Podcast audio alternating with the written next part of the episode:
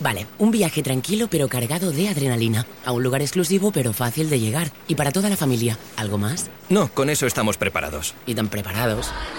Llega el nuevo Nissan X-Trail con e-Power. Disfruta de cada aventura con la conducción eléctrica, ahora libre de enchufes. Más información sobre Nissan e-Power en nissan.es.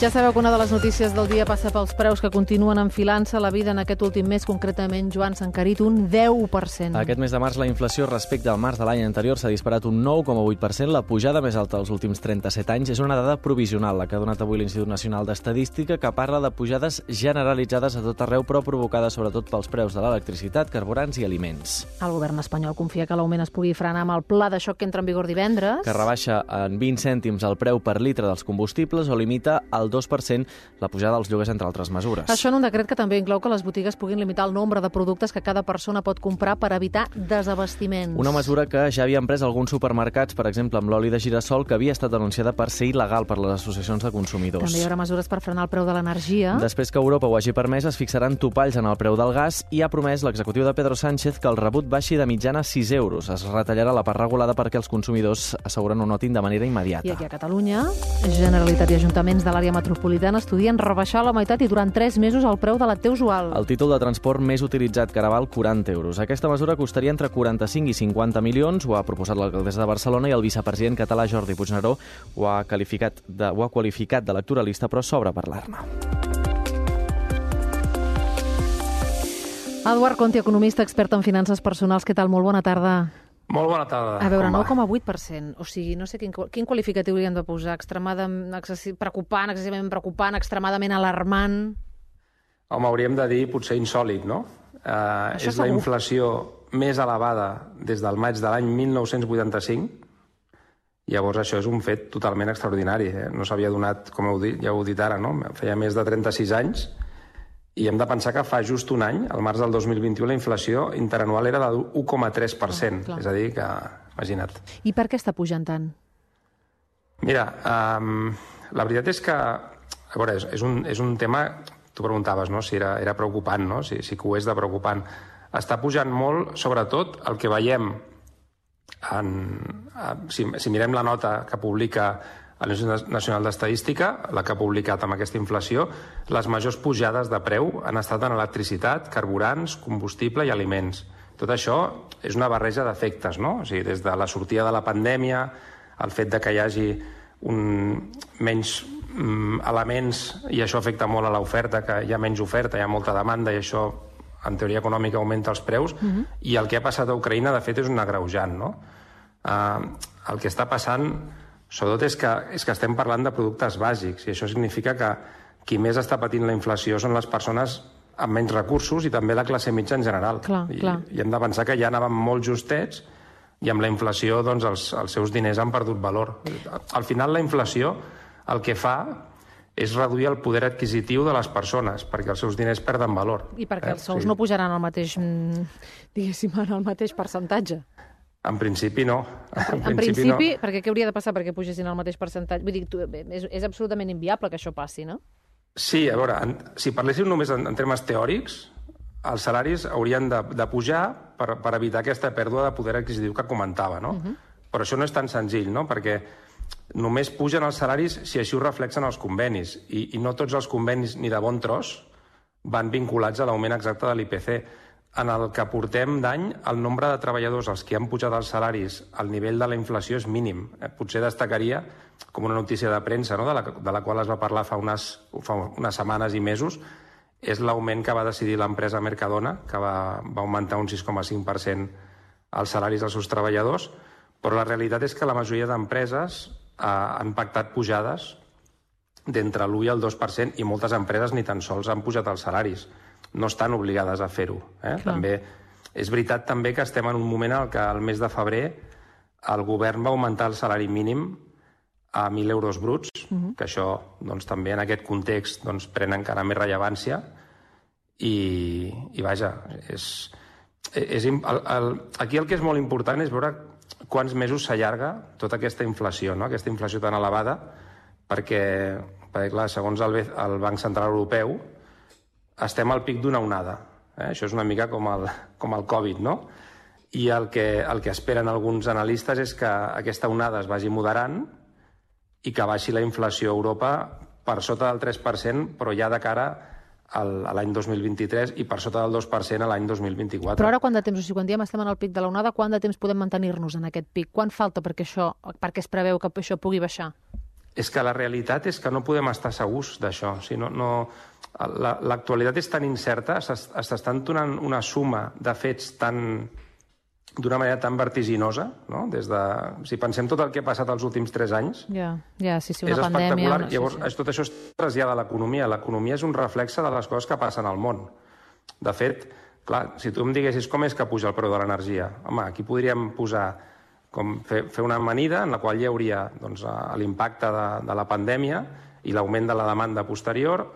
Després hi ha la, la pròpia transició energètica cap a una, una economia i a un món més sostenible, cap a les energies renovables, mm -hmm. també fa que la major demanda d'energies renovables i la menor demanda d'energies de, fòssils, diguéssim, també el que fa és encarir el preu de l'energia.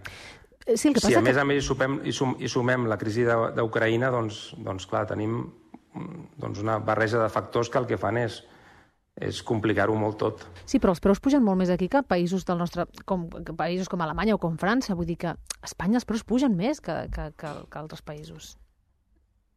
Sí que és veritat que pugen més, però no tant, eh? no tant més. A vegades, quan parlem d'Alemanya, doncs un diria, ostres, Alemanya quina inflació deu haver-hi ara? Doncs mira, Alemanya la inflació que esperen pel mes de març, igual que ara s'ha publicat la d'Espanya, esperen una inflació del 7,3% en un país que és el motor econòmic yeah. d'Europa, és a dir, que no és cap tonteria. 7,3% per ells també és una xifra absolutament espectacular i històrica, no?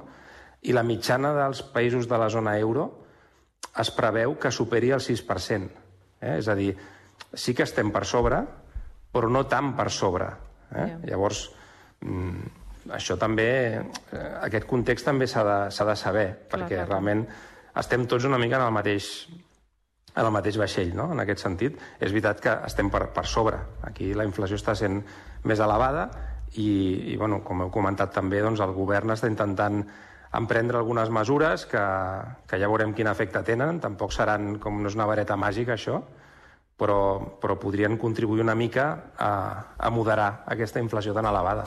I abans que parlàvem de, no, de, dels salaris, és a dir, no tots els salaris s'incrementen amb, amb l'IPC, de fet la immensa majoria no, de convenis no ho contemplen. Una cosa molt important que molta gent li preocupa, li preocupa que és l'habitatge perquè suposa una despesa sí. important. El govern ha posat en marxa diferents iniciatives, entre les quals uh -huh. um, limitar l'augment del preu dels habitatges al 2%. Un, és una bona mesura, i dos, això es, compli es complirà? Es complirà, Home, sí, es complirà sí és una que... pregunta absurda sí. perquè no ho sabem, eh? però vull dir, eh, hi ha mecanismes uh -huh. per controlar-ho? És una mesura que pot ser important justament per frenar mm, que es desboqui, que puguin pujar-te el preu del lloguer? Jo penso que sí que pot ser important. De totes, de totes formes, hem de, per posar també una mica d'antecedents, eh? el que hem de pensar és que la majoria de contractes de lloguer sí? que es fan en el nostre país eh, van referenciats a l'IPC. És a dir, a tots els contractes, o la majoria d'ells, hi ha una clàusula que el que està dient és que de, uh, un cop a l'any es revisaran o s'actualitzaran les rendes de lloguer en base a l'IPC publicat el mes anterior. Sí. Val? Això, punt de partida.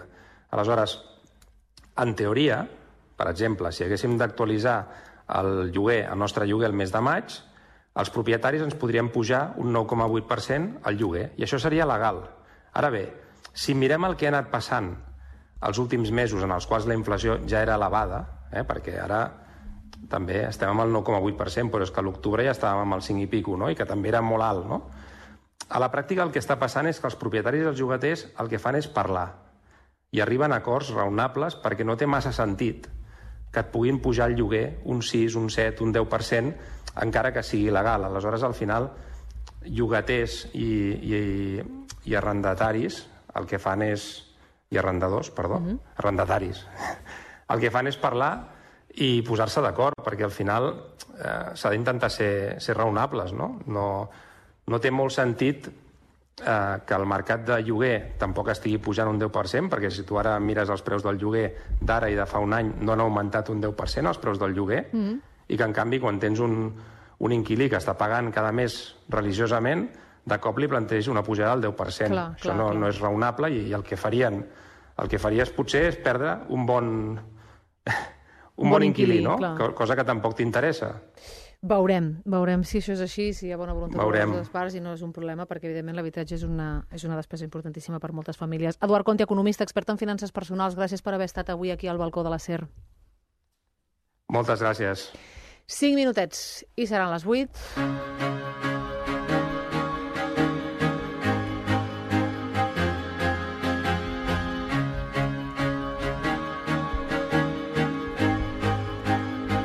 Oh, vaja, que hem tingut un moment de patiment, he de dir, eh, aquí, Sí. quan ha marcat el Madrid. Sí, sí, però solucionat perquè ha marcat Aitana Bonmatí al 2 a 2. Està 2 a 2 al partit al minut 54 al Camp Nou. Ha marcat eh, l'1 a 2 pel Real Madrid Clàudia Zornoza des del mig del camp, pràcticament, però ha empatat Aitana Bonmatí, ja que està l'eliminatòria eh, 2 a 2 en el partit de tornada, per tant el Barça encara té avantatge de dos gols. Quan ataca per la banda esquerra, posa la centrada, gol, gol, gol, gol, gol, gol, gol, gol, gol, gol, gol, gol, gol!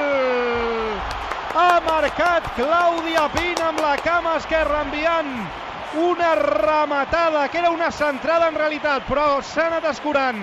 I s'ha introduït per l'escaire de la porteria de Vissa, així que la festa ja és completa. Al Camp Nou perquè marca el tercer el Barça, torna a avançar-se al marcador al minut 55 de partit, només ens queda saber aquesta xifra d'assistència quan torna a fer el públic de l'estadi les més de 80.000 persones que hi ha avui al Camp Nou aquest mosaic amb els colors blau, grana i groc amb el lema More Than Empowerment més que un empoderament, el partit és històric, el resultat és bo pel Barça al minut 55, Barça 3, Real Madrid 2.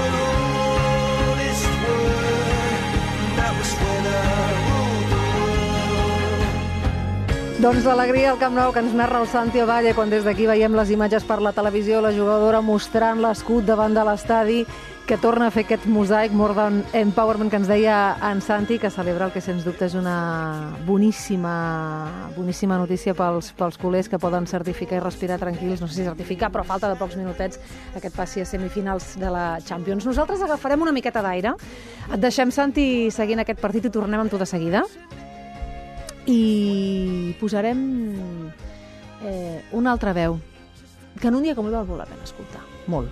I aquí jo agraeixo molt que hagi vingut perquè a més a més sé que no és fàcil. Seran dos minuts. Comentaris a Twitter. Arroba Balcó Cercat.